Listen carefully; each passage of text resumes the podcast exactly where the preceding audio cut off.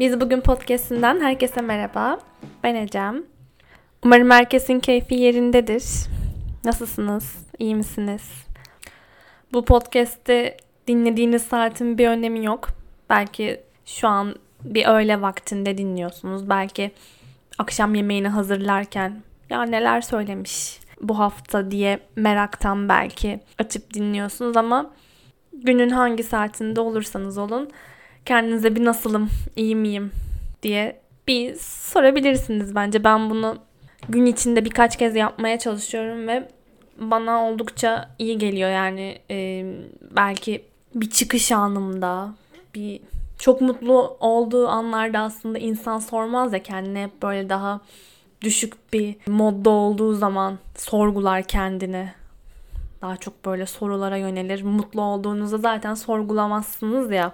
Onu aslında birazcık daha günün hangi modunda olursanız olun kendinize sormanız gereken, kendinize vermeniz gereken bir e, hediye olarak düşünebilirsiniz. Bugün nasılsın sorusunu. Arkadaşlarımıza, e, yakınlarımıza ilk karşılaştığımız anda hani selam, ne haber, nasılsın? İlk sorduğun soru bu sonuçta. Niye kendine sormayasın bu soruyu? Bu e, e, bu bölümde aslında benim belli bir çerçeveye sığdırmak istemediğim bir dönem. Kendimi de böyle kalıplara sığdıramadığım, böyle hani içimin içime sığmadığı belki bir dönem olduğu için bu podcast'i de herhangi bir konuyla çerçevelemek istemedim. Ama tabii ki yine hani hayatın tüm e, noktalarına değineceğiz e, diye bir iddiam yok. Sadece e, konuşmak istediğim tabii ki yine bazı belli başlı şeyler var. Ama hani bugün spesifik olarak işte mutluluk üzerine konuşacağız, hüzün üzerine konuşacağız gibi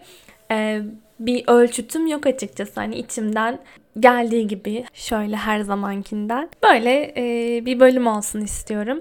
Hepimizin duygusal yoğunluğunun hat safhada olduğu zamanlar olduğunu düşünüyorum. Evet bu podcast'te belki toplumsal olaylara yer vermiyorum, siyaset konuşmuyorum ya da daha farklı hani o büyük büyük e, bürokrasilerin olduğu e, konulara temas etmiyorum. Daha çok kişisel ve belli bir e, kitleye hitap eden daha insanın e, kişisel yolculuğuna yönelik daha soft içerikler diyebiliriz. Kendimizi e, büyütmek üzerine ve büyüme yolculuğu üzerine başlıklarda konuşuyoruz. Başlıklar seçiyoruz ve onlar üstüne yoğunlaşmaya çalışıyoruz ama bizi büyüten şey sadece iç dünyamızdaki o e, kovalamacamız değil, dış etkenleri de hani ne kadar ignore edebilirsiniz ki? E, bu bağlamda evet dış faktörler bizi çok etkiliyor. Dünyada, kendi ülkemizde yaşadığımız, bizden başka insanların, başka toplulukların yaşadığı birçok felaket olarak adlandırabileceğimiz olağan dışı e, olaylar var ve biz onlara ne kadar e, kendimizi soyutlayıp ya hayır bir dakika ben her şeyi e, bırakıyorum şu anda hiçbir şey takip etmiyorum ve kendi e, kişisel gelişimime dönüyorum. İçsel yolculuğumda ben huzur ve mutluluğa kavuşacağım. Yani bu da çok benlik bir şey değil. Ne kadar kendini soyutlayabilirsin ve ne kadar bağımsız olabilirsin. Yani sen süper asla tabii ki böyle bir şey yok olmak gibi. Beni dinleyen kitlenin de böyle bir derdi olmadığını biliyorum. Ben kendi derdime bakarım, kendi dalgama bakarım hocam. Gerisi beni ilgilendirmez. Dünya işte benden sonra tufan kimin umrunda gibi. Bana dokunmayan yılan bin yaşasın ya da gibi söylemlerin aslında bana ve beni dinleyen kitleye çok uymadığını gözlemliyorum hem aldığım geri dönüşler hem de 25 yıllık yaşamımda e, kendimi gözlemlediğim kadarıyla böyle bir özelliğe sahip değilim. Ama olabildiğince bu podcast'te evet dışarıdaki dünyada bunlar oluyor ama o dünyanın yanı sıra benim kendi yarattığım, sizin kendi yarattığınız bir alan var ve o dış dünyayla o alanın belki kesişme noktalarını daha farklı bir, daha farkında olarak yaşamak üstüne konuşmamız gerekiyor belki. Biraz söyleyince karışık da gelebilir size. Evet hepimiz okuyoruz. Diyoruz işte hepimiz biriciyiz. Bizden hani her birimiz özeliz belki hani. Ya bir sürü şey okuyabilirsiniz ama sen evet bu dünyadasın ve evet iyi ki varsın.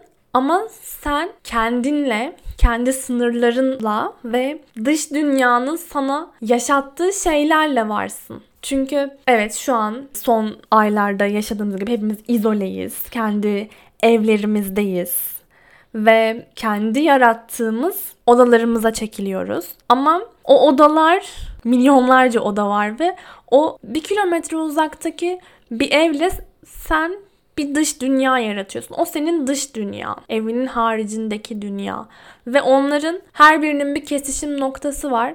Kendini ne kadar izole etmeye çalışsan da hayatı gerçek olarak yaşamak için o dış dünyayla da bağlantıda kalman gerekiyor. Belki buna düş dünyan ve dış dünyanın kesişimini ne kadar farkında olarak ve kendin kalabilerek yaşarsan o kadar da kendine ait bir hayat yaratmış olacaksın. Şimdi belli ki ben e, böyle beylik beylik lafları seven bir insanım. Ama e, bir noktadan baktığınızda o manşet olacak belki o kitaplardan, filmlerden, dizilerden okuduğumuz, gördüğümüz, dinlediğimiz alıntılar aslında bir açıdan da tehlikeli. Çünkü tek bir doğru yoktur ya. Evet bir kitap okuyorsunuz. Kitabın bir e, satırın altını çiziyorsunuz ve o cümle sizin hayatınızın cümlesi olur mu? Ya ben bir kitap okudum işte burada böyle diyordu ve benim hayatımın cümlesi artık beni anlatıyor ya gibi. Bu çok tehlikeli bir söylem bence. Şimdi geçen bölümden beri böyle işte okuyorum, dinliyorum. Hepimizin hani yaptığı gibi dışarıda sosyalleşemediğimiz için kendi evlerimizde sosyalleşmenin kapılarını açıyoruz. İşte kimimiz bunu kitaplara gömülerek yapıyor. Kimimiz o çok fırsat bulamadığı dizinin son sezonunu açıyor. Belki seneler önce izlediği bir diziye geri dönüyor. Okunması gereken filmleri, kitapları kurcalıyor.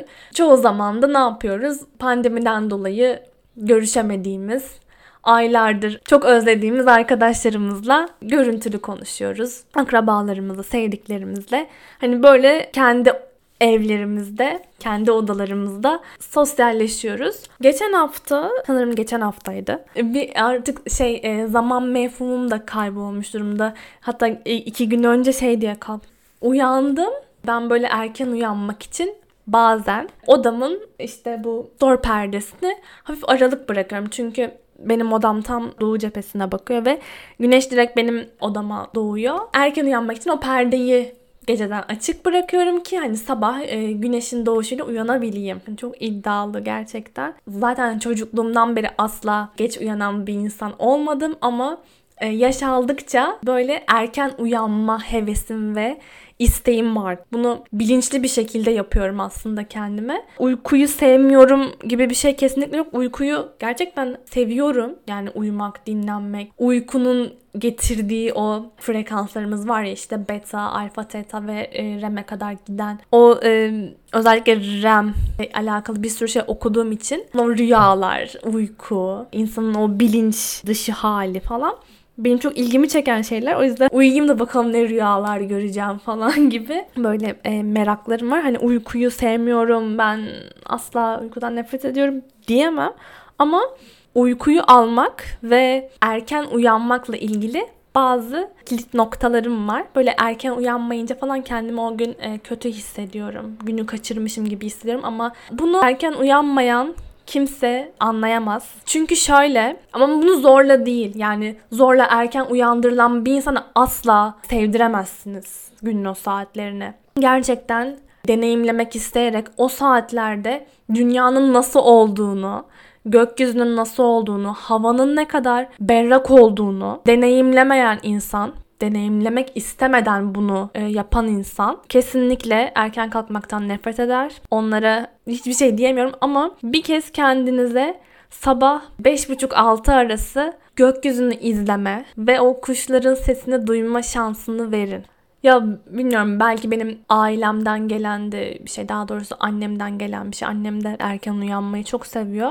Benim erken uyanmakla ilgili şöyle bir şeyim var. Özellikle evet işe gidip geldiğim dönemde ilk adaptasyon zamanlarında belki erken kalkmaktan nefret ediyordum. Sabah 8'de kalkmak nasıl yani falan diyordum. Ama o aslında şeyle alakalıymış. Uyandıktan sonra günün nasıl devam edeceğiyle ilgili bir şeymiş. Yaşlandıkça uykuya olan ihtiyacı azalırmış insanların. İşte günün en az 6,5-7 saatini uykuda geçirmemiz gerekiyormuş e, gibi şeyler okudukça uykuyla olan ilişki e, daha farklı bir noktaya gelebiliyor.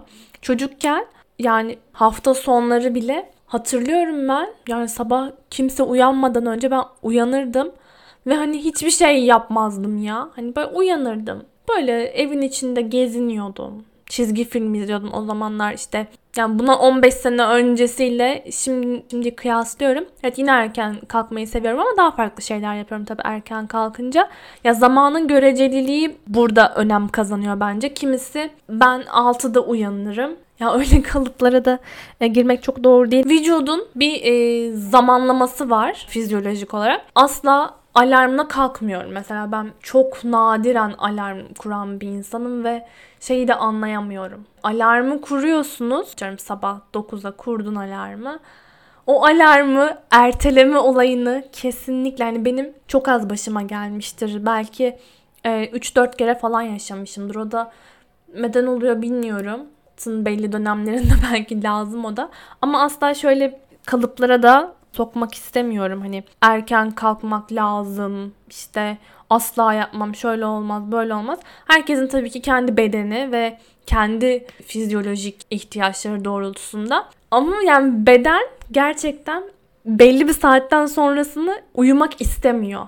Ben kendiliğimden gözlerimi açıyorum. Hiç bir hani telefon alarmına bağlı kalmadan. O erteleme noktası hani alarmını kurup ertele ertele artık beşinciye ertele, altıncıya ertele noktasını birazcık miskinlik olarak görüyorum ya. Çünkü yani bedenin ihtiyacı olandan fazlasını vermenin de çok bir anlamı yokmuş gibi geliyor bana. Ama tabii ki o gün yapacak hiçbir planınız yoktur ve yatağın içinde miskinlenmek gayet haklı bir şey olabilir.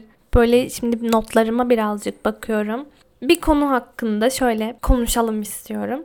Belki takip ediyorsunuzdur e, Nilay örneğin nasıl olunur diye e, bir podcast serisi var ve orada Türkiye'de işte belli bir yere gelmiş ve başarılı hikayelere sahip insanları, iş insanlarını, yazarları, oyuncuları, belki gazetecileri gibi gibi sıfatlardaki mesleklerinde bir noktaya ulaşmış ve dinleyenlere ilham olabileceğini düşündüğü konukları ağırlıyor. Geçtiğimiz bölümlerden birinde de konuk Gündüz Vassaf'tı. Ben Gündüz Hoca'yı çok seviyorum. Kendisiyle 3 sene önce e, tanışma fırsatı bulmuştum ve bunun için kendimi çok şanslı hissediyorum. Çünkü e, tanıştığımız ortamda benim için çok çok büyülü bir ortamdı. Büyükada'da bir eğitim sırasında kendisini böyle canlı canlı ilk kez dinlediğimde kafamda böyle bir sürü e, sorular oluşmuştu. Ona sormak istediğim e, bir sürü soru vardı. Kitapları üstünde konuşmak istediğim konular vardı.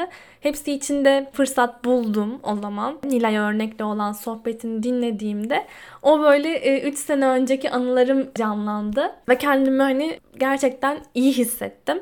Gündüz Hoca da o zaman tabii şimdi e, yurt dışında yaşıyor kendisi ama o zaman da Sedef Adası'nda yaşıyordu. Eğitimin son akşam yemeğinde tekrar bir araya geldiğimizde Sedef Adası'ndan kalkıp gelmişti. Hatırlıyorum böyle küçük bir tekneyle. Ayayorgi Tepesi'nde böyle o akşam yemeğinde anlattığı şeyler. Ee, bir yandan sohbeti dinliyorum. Oradan bir şeyler almaya çalışıyorum. Bir yandan da hani e, zihnimin bir tarafında hep o tepedeki o masaya falan gidiyor.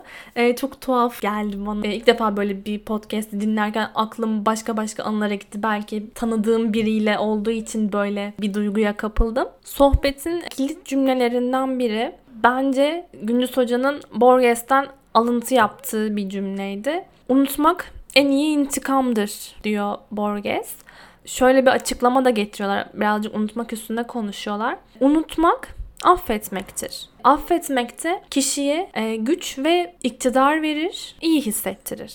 Unuttuğunuz bir şeyi aslında hiçleştirmiş oluyorsunuz. Sizi kızdıran, belki hayal kırıklığına uğratan ve kalbinizde bir yara açan bir şeyi unutmak çok kolay değil.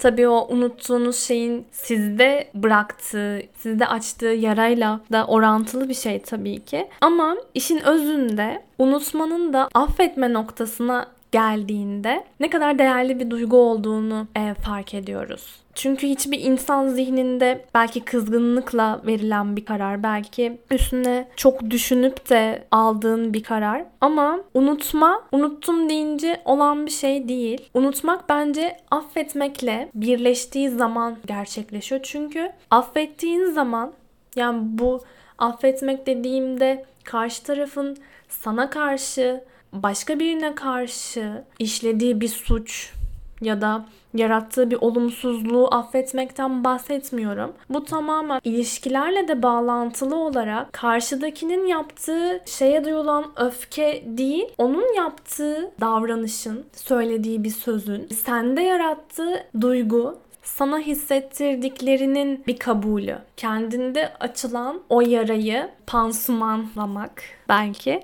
Ama işin özünde unut ki yeniye yer açılsın. Çünkü ben şunu fark ediyorum ki eskiyi düşündüğüm bir an yaşıyorum mesela. Geçmişten gelen bir şey. Ve şunu demek gerekiyor. Ya bu eskide kaldıysa bunun eskide kalmasının da bir anlamı var. Zaten şu an benimle olması gerekseydi bu duygunun, bu kişinin ya da duygu halinin diyeyim. Şu an zaten benimle burada olurdu. Ben onu hala hissetmeye devam ederdim. Onun geçmişte kalması gerekiyormuş ki o orada kalmış ve şu an ben buradayım. Ve ya şu inanılmaz bir zihin rahatlığı yaratıyor. Onunla hesabı bitirdiğin noktada ödeştiğin demiyorum kesinlikle. Çünkü bence ödeşmek de bir insanı yoran bir şey sürekli. Bir şeyi kovalıyormuşsun hissi yaratıyor bende ödeşmek kelimesi. Ödeşmek yerine ben hesabı kesmek olarak yaklaşıyorum olaya. Onunla o mücadeleni bitirdiğin zaman kendi iç muhakemeni de tamamladığın zaman çıkan duyguya bakıyorsun ve bana yaşattığı bu duyguyu da ben kabul ediyorum. Ben bu duygumla beraber şu an bu noktadayım. Bu beni şu an olduğum noktaya getirdi. Olduğum duygu durumundayım ve ona da teşekkür ederim. Ben onu affediyorum, ona teşekkür ediyorum ve artık yeni duygular yaşamak için belki aynı şeyleri yaşayacaksın, yaşatılacak sana ama aynı şeyler yaşansa bile farklı sonuçlar yaratacaktır. Çünkü unuttuğun zaman yeniye daima yer açılır ve bu noktada da ben kendimizi iyi hissetmek için e, buna ihtiyacımız olduğunu düşünüyorum. Kesinlikle kendini bir zorlama noktasına da e, girmemeli insan. Hani unutmam lazım, unutmak istiyorum falan değil kesinlikle. Ya belki çok kişisel gelişim kokan ifadeler gibi gelebiliyor. Çok da böyle düşünmekte haklı olabilirsin. Fakat farkındalık kelimesini hayatının üst sıralarına koymamız gerekiyor. Çünkü hayat o kadar çabuk akıyor. Sürekli bir şeylere yetişmeye çalışan o modern insan kalıbının bir yerinden sıyrılmak için farkında olarak yaşamak insanı gerçekten daha sağlıklı büyütüyor. Ya hepimiz bir şekilde fiziksel olarak belli bir erişkinliğe geliyoruz yani. Bunu e, kimse inkar edemez ama çevreye baktığınızda ya kaçımız yani gerçek anlamda demeyeyim ama e, mental olarak büyümeye hazır bir şekilde bu erişkinliğe varmış oluyoruz. Mental olarak da büyüyor olmak önemli fiziksel büyümenin yanı sıra. Ben e, buna uğraşıyorum ve hani derler ya hani hep çevrendeki en yakın 5 insana bak ve onlardan ibaretsin diye. Çevremde de hani hep bunun için uğraşan bu farkındalığı yüksek insanlar oluyor. Ee, hangi ortamda olursam olayım bir şekilde aynı enerjide olduğum hadi enerji de diyeyim hadi kişisel gelişim. Ya bu kişisel gelişim şeyine fazla kafayı taktım. Çünkü hani herkes bir şey ya artık. Herkes böyle çıkış noktası arıyor. Herkes bir böyle sıkışmış, bunalmış ve yaşam koçları etrafımızda dört dönüyor. Ben sadece paylaşmaya, deneyimlemeye ve kendi yaş grubumla hissetmeye çalışıyorum. Onun için bu podcastleri yapıyorum ve gerçekten her podcast'i kaydettikten sonra da Kendimi inanılmaz iyi hissediyorum. Bir kişi de dinlese o podcast'i, bin kişi de dinlese ben aynı heyecan duyuyorum ve bu üretimi de sağlayan şey o motivasyon. Yani kimin, kaç kişinin dinlediğine bakmadan sen inandığın ve kendini iyi hissettiğin bir şey yaptığın noktada bir karşılık beklemeden üretmeye devam et. Mutlaka seninle aynı duyguda, aynı frekansta olan kişiler sana doğru çekilecek. Yani ben onu deneyimlediğim de için belki bu zamana kadar böyle onun bir heyecanı hep podcast kaydederken oluyor. E, ilk bölümü kaydederken de sesim titriyordu. Şu an e, 6. bölümü kaydediyoruz ve benim e, sesim hala aynı tonda ara ara titreyebiliyor çünkü böyle sesimin birilerine e, ulaştığını e, düşündüğümde böyle e, kalbim hızlı hızlı yine çarpmaya başlıyor. Bu da doğru bir şey yaptığımı gösteriyor bana kendim için. Unutmak, affetmek, böyle bir beyin fırtınası yaptığın zaman e, aklıma ilk gelen duygu hüzün oluyor mesela. Üzülmek. Çok üzülünce insan zihninde neler oluyor? insan bedeninde neler oluyor? Ee, bu gibi sorular geliyor aklıma. Böyle bir şeylere kolay üzülen ya da üzüldüğünü belli eden insanlar var. Bizim e, hassas olarak nitelendirdiğimiz belki de ailelere baktığınızda da e, bu hassas olarak adlandırdığımız kişiler e, ailenin en duyarlı kişileri oluyor. Hassas insan dediğimiz şey böyle birazcık toplumda ben hassas olarak nitelendirdiğimiz kişileri ya yazık modunda gördüğümüzü fark ediyorum. Bu hassasiyeti bir noktada bencilleştirmek veya bir çerçeve içine oturtmamız gerekiyor. Hassas olmak kötü bir şey değil. Diğer insanlara nazaran daha duyarlı olmak bir kişilik özelliği. Herkes sizinle aynı duyarlılıkta olamaz. Kimse kimseyle aynı boş vermişlikte de olamaz. Bazı insanlar dünyanın e, acısını ya da ailesindeki acıyı daha derinden hissedebiliyor. Gündüz Hoca şöyle bir şey söylüyor. Güneşin doğuşunu ıskalamayarak ve yeni öğrenmelere heyecanla yer açarak. Yeninin enerjisi dediğimiz çok kıymetli bir duygu var. Bunu unutmakla da bağdaştırabiliriz. Unutmak eskide kalan bir şey ve affetmekle gelen unutmanın insanın omuzundan bir yük kaldırdığını ve oluşan o yüklerin e, kaldırılışının ardından oluşan boşluğu yeninin gelecek olanın sevgisiyle ve umuduyla doldurmakta insanı insan yapan çok güzel bir duygu. Bu umut ve heyecanla da yaşamaya başladığınızda iki duygudan arınmış oluyorsunuz. Biri samimiyetsizlik, Diğeri de şımarıklık. Çünkü kabullendiğin, sahiplendiğin kendi içinde bir yere konumlandırdığın ve artık onların da orada olduğunu bilerek bazı şeyleri de belki arkanda bırakarak ama onların sana öğrettiklerini de cebine koyarak umut takviyeli çıktığın o yolda bir kendine dürüst olduğun için, kendinle samimi olduğun için çevrenle kurduğun ilişki de daha samimi bir noktaya ulaşıyor. Yapmacıklıktan uzaklaşıyor. Çünkü sen kendini olduğun haliyle anlatmaya başlıyorsun ve karşısındaki insanlara aslında gördüğün özellikler senin yansıtmak istediğin e, şeylerin oluyor. Belki kuantum fiziğiyle de bağdaştırılabilir. Çünkü öyle bir şey vardı. Ya mesela Newton'a göre her şey bizim onları algılayışımızdan ayrı olarak nesnel bir gerçekliğe sahip ama kuantum fiziğine baktığınız zaman özellikle o e, belirsizlik e, prensibinde bizim bir nesneyi algılayışımız değiştiğinde o nesnenin de değiştiğini söylüyor Kur'an. Ben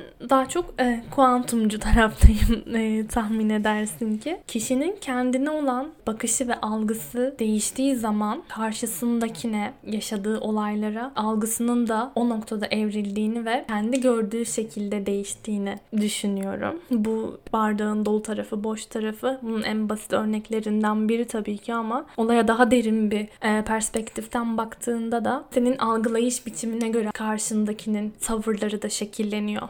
Ben olaya o şekilde bakıyorum. Sen hiçbir şekilde bir şey vermeden sürekli almaya odaklı olarak karşından bir şeyler beklersen ve sürekli bir beklenti içinde olursan asla sana bir şey verildiğini göremezsin. Sen önce vermeye istekli ol ki karşındaki de hani senin e, algının olduğu noktaya gelsin ve almaktan önce vermeyi düşünsün. Ben bu şekilde yaklaşıyorum. Burada da yine az önce söylediğim gibi aslında samimiyet devreye giriyor. Çünkü insan zihni o kadar değişik ki o versin diye önce ben vereyim o da versin hesabına girersen yok yani orada değilim kesinlikle. Tamamen içinden gelen insana içinden geldiği şekilde verici olmanın taraftarıyım. Zaten işler o hesap kitap noktalarına girdiği zaman almak için verme e, noktasındaysa da zaten asla doğru ilişkiler. Şey vardı ve pandemi döneminin bence en güzel etkinliklerinden biriydi Beyoğlu sinemasının gerçekleştirdiği. Orada Engin Günaydın'la da e, çok tatlı bir sohbet gerçekleştirdiler. Engin Günaydın'ı aşırı seven bir insan olduğum için de hemen e, sohbetin tamamını izledim. Siz de Instagram hesaplarında hala IGTV tarafında bulabilirsiniz. Engin Günaydın işte Ozan Açıktan'la konuşuyorlar. Ve şöyle bir şey diyor e, Engin Günaydın bilmeyenler için e, söyleyeyim. Foça'da yaşıyor. Sadece böyle dizi veya film çekimleri olduğu zaman İstanbul'a geliyor. İşte pandemi dönemini bu e, karantinayı nasıl değerlendirdin gibi e, bir soru soruyor Ozan Açıktan. O da çok tatlı. Yani gerçek düşünülmemiş daha önce. Çok belli çok samimi bir cevap veriyor. Ya ben zaten 13 senedir iç yolculuğumda çok mesafe kat ettim. Dönüş yolunu da kaybettim diyor. Ben zaten hani 13 senedir karantinadaymışım hani onu fark ettim diyor. Gerçekten farklı bir karakter olduğunu düşünüyorum ben Engin Günaydın'ın. Yani Türk dizileri arasında da hani bunu benim yakın çevremde bilmeyen kimse yoktur. En sevdiğim Türk dizisi Avrupa Yakası. Bence gelmiş geçmiş en iyi duygularla yaratılmış televizyon karakteri de Burhan Altıntop'tur. Seviyoruz kendisini bu iç yolculuk olayına da kesinlikle katılıyorum. Hani kimisi için bu bir fırsattı. Kimisi zaten öyle yaşıyordu ama ben de %80 şikayet etmeyen taraftayım. Hani keşke tabii ki hiç e, böyle bir salgın yaşanmasa, böyle tedbirler alınmak zorunda kalınmasaydı ben daha belki polyanla denilebilecek taraftayım. Yani bunun da bize öğreteceği bir takım şeyler vardı. Dünyanın öğrenmesi gereken şeyler var ve bu öğrenmeyi bize hayat herkese kendi odasında yaşatmaya karar verdi. Affetmekle ilgili acaba bulabileceğim bir şeyler var mı diye böyle bakınıyordum. Sonra bir e, kütüphanenin önüne geldim. Burada olmasına çok mutlu oldum. E, bir tane kitapla karşılaştım. E, Murat Anmunga'nın Harita Metot Defteri. E, sene kaç? Bir dakika bir bakayım. Ben böyle aldığım e, kitapların ilk sayfalarına genelde tarih atarım ama bunu 2015'te evet ilk baskısı kaçırmamışım. O zaman da öyleymişim. İlk baskısını almışım. Kasım 2015 Metis yayınlarından. Affetmekle ilgili bir tane e, şeyi satırların altını falan e, çizmişim. Yani ben söylüyorum hiçbir şey tesadüf değildir.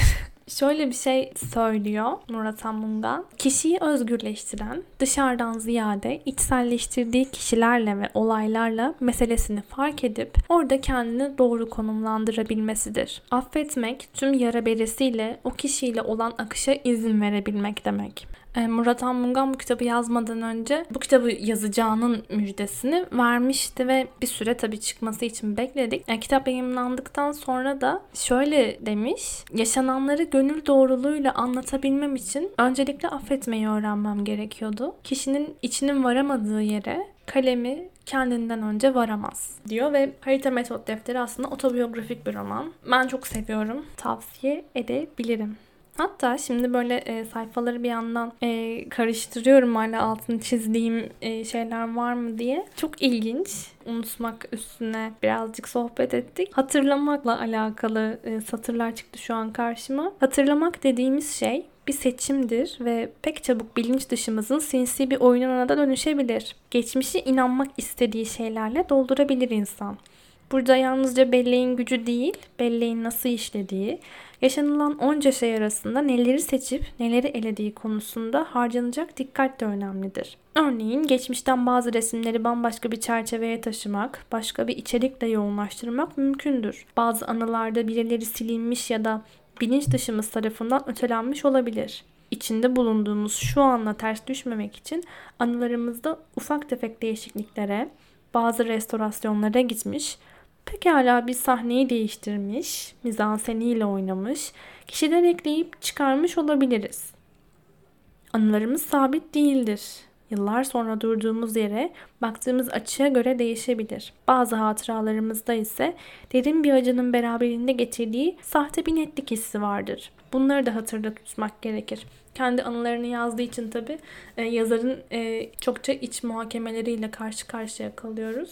E, animasyon olan her şeye bayılıyorum. Böyle hani çocukken izlediğimiz çizgi filmleri e, bir yana koyup tabii hala izlediğim çizgi filmler var. Böyle animasyon olan şeylere ayrı bir ilgim var. BoJack Horseman'dan bahsetmek istiyorum biraz. Çünkü yeniden izlemeye başladım. İlk sezondayım ve son sezona yaklaşma düşüncesi beni şimdiden üzmeye başladı. Yani Bojack'le ilgili e, söyleyebileceğim milyonlarca şey olabilir. Karakterler üstüne, yüreğe dokunan e, replikleri üstüne ama şunu söyleyebilirim bir cümleyle. Bana hani Bojack hiç ticari kaygıyla yapılmış bir şey olarak gelmiyor. Hani böyle bir e, sanatsal çalışma olarak hep hissediyorum. Belki de o yüzden böyle bir bağda kuruyorum. Şöyle bir akılda kalıcı bir şey geçiyor Bojack'te. Her gün birazcık daha kolay oluyor ama her gün yapmalısın. Zor kısmı her gün yapmak ama daha kolay oluyor. Yeter ki her gün yap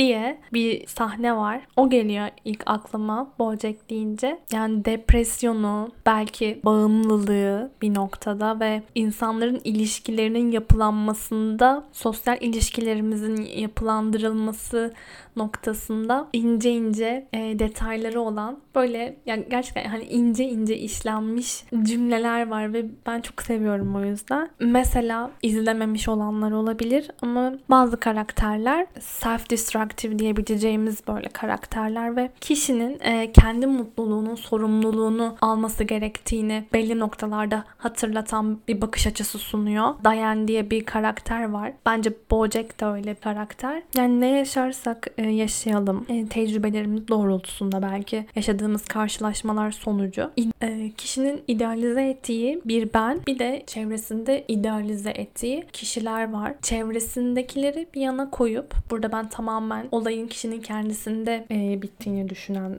e, taraftayım. Ya çünkü yani ben kendiyle derdine yoğunlaşmayan, kendine sunmadığın, kendine göstermediğin iyilik ve şefkati karşıya gösteremeyeceğini düşünüyorum ve bunu önce kendime sağladığımda ilişkilerimin kuvvetlendiğini de hep görüyorum. Şöyle bir şey var bence. Yarattığımız e, ideal hikayeler var. Ona ulaşmaya çalıştığımız bir efor var. Yolda giderken de bazen o e, idealize ettiğin noktanın sana uygun olmadığını da görebiliyorsun. O noktada da bence sonuç odaklı yaşamak bizi mutsuzluğa itiyor. Çünkü hayatın o değişebilirliğini, aynı kalmayışını yaşadığın her an görmen gerekiyor. Olduğun yerde mutlu olmadığın zaman hani bu anı yaşa olduğunla yetin, şükret, sahip olduklarına evet bunlar çok güzel şeyler fakat dediğim şey daha farklı. Olduğun yerin mutluluğunu kendine yaşatmadan sürekli e, ulaşman gereken bir sen olduğunu düşünüp o noktaya gidersen o noktaya gitmek için uğraşırsan şu andaki mutluluğunu kaçırmış oluyorsun. Ben öyle düşünüyorum. Öyle olduğuna inanıyorum. Oraya giderken yine insanların e, hedeflerinin ve bir noktaya ulaşmak istemelerinin gayet doğal bir istek olduğunu düşünüyorum. Fakat o yoldayken, o yolu yürürken sonuca o kadar odaklı gidersen sonuca full odaklandığın noktada o yolculuğun sana hissettirdiklerini, o mutluluğu sadece mutluluk olmak zorunda değil, o yolda giderken yaşadığın herhangi bir hüzün, takıldığın herhangi bir çelme dahi olsa onu yaşayamıyorsun. Yani onu kaçırmamak gerekiyor bence. Ulaşman gereken bir yer var ve oraya ulaşmadığın zaman, oraya ulaştığın zaman ancak mutlu olabilirsin kendine söylersen asla o mutluluğu yakalayamayacaksın. Çünkü e, onun bir sonu yok. Önemli olan bence o farkındalığı yaşama noktası her şeyin geçici olduğunu kabullenmekten geçiyor. Şöyle bir yaşıyor olabilirsin ama e, o hüznü de mutluluğu da daha sağlıklı bilmenin püf noktası evet ben şu an bu hüznü yaşıyorum. Ya bedeninin her yerinde hissediyor olabilirsin. Gözyaşlarına hakim olamıyor olabilirsin ama bu da geçecek. Ben şu an bu hüznü yaşıyorum. Hüznü hayatından itme. Hüznü hayatından uzaklaştırdığın zaman o senin bir kaçış ya da çıkış noktan olmuyor. Onu kendinden ittiğin zaman o sana daha çok yapışıyor. Yani bu kesinlikle doğru olan bir şey bence. Onu da kabul edip hüznümle şu an en sevdiğim filmi açıyorum. O hüzün de benimle ama o geçecek. Ben onunla yaşıyorum. Onu da sonuna kadar yaşıyorum. Her duygunu sahiplenip yaşama cesaretini gösterdiğin zaman bence kendini daha iyi hissediyorsun ki önemli olan da e, hayatta bütün o maddi manevi tüm şeylerin üstünde kişinin kendini iyi hissetmesi, iyi ifade etmesi, bunları yaparken de etrafında kendini iyi hissettiği insanların olması diye düşünüyorum.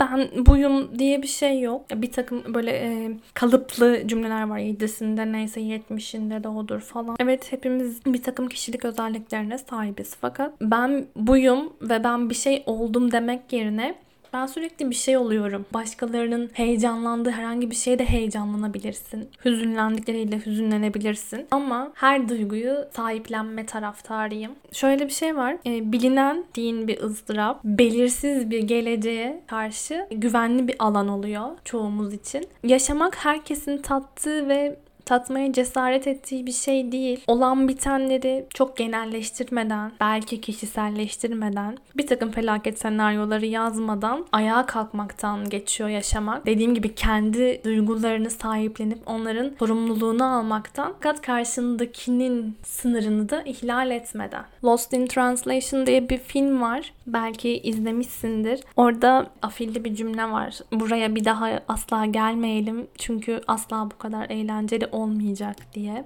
İzlemediyseniz önerebileceğim bir film. İnsanın yalnızlığına dair çok güzel sahneleri var. Tokyo'da geçiyor zaten. Böyle içinde bir sürü güzel sahneyi ve repliği barındıran anlamlı bir film olduğunu düşünüyorum ben.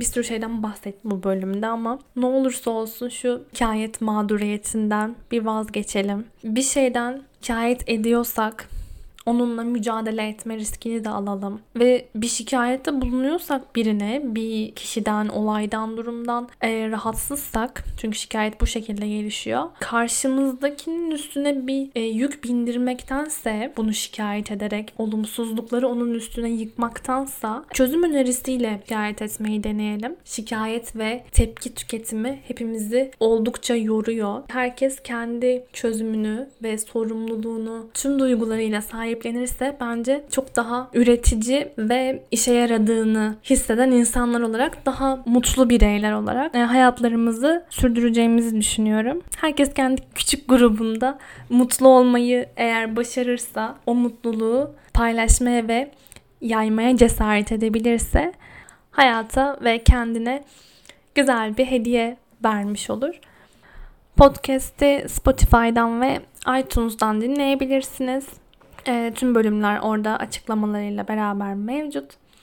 E, aynı zamanda e, geçtiğimiz günlerde çok güzel bir sürprizle karşılaştım. Bunun duyurusunu e, sonraki bölümlerde tamamlanınca yapmak istiyorum ama şu anda da beni dinlediklerini biliyorum. Podcast ile ilgili çok güzel bir sürpriz yapıldı bana.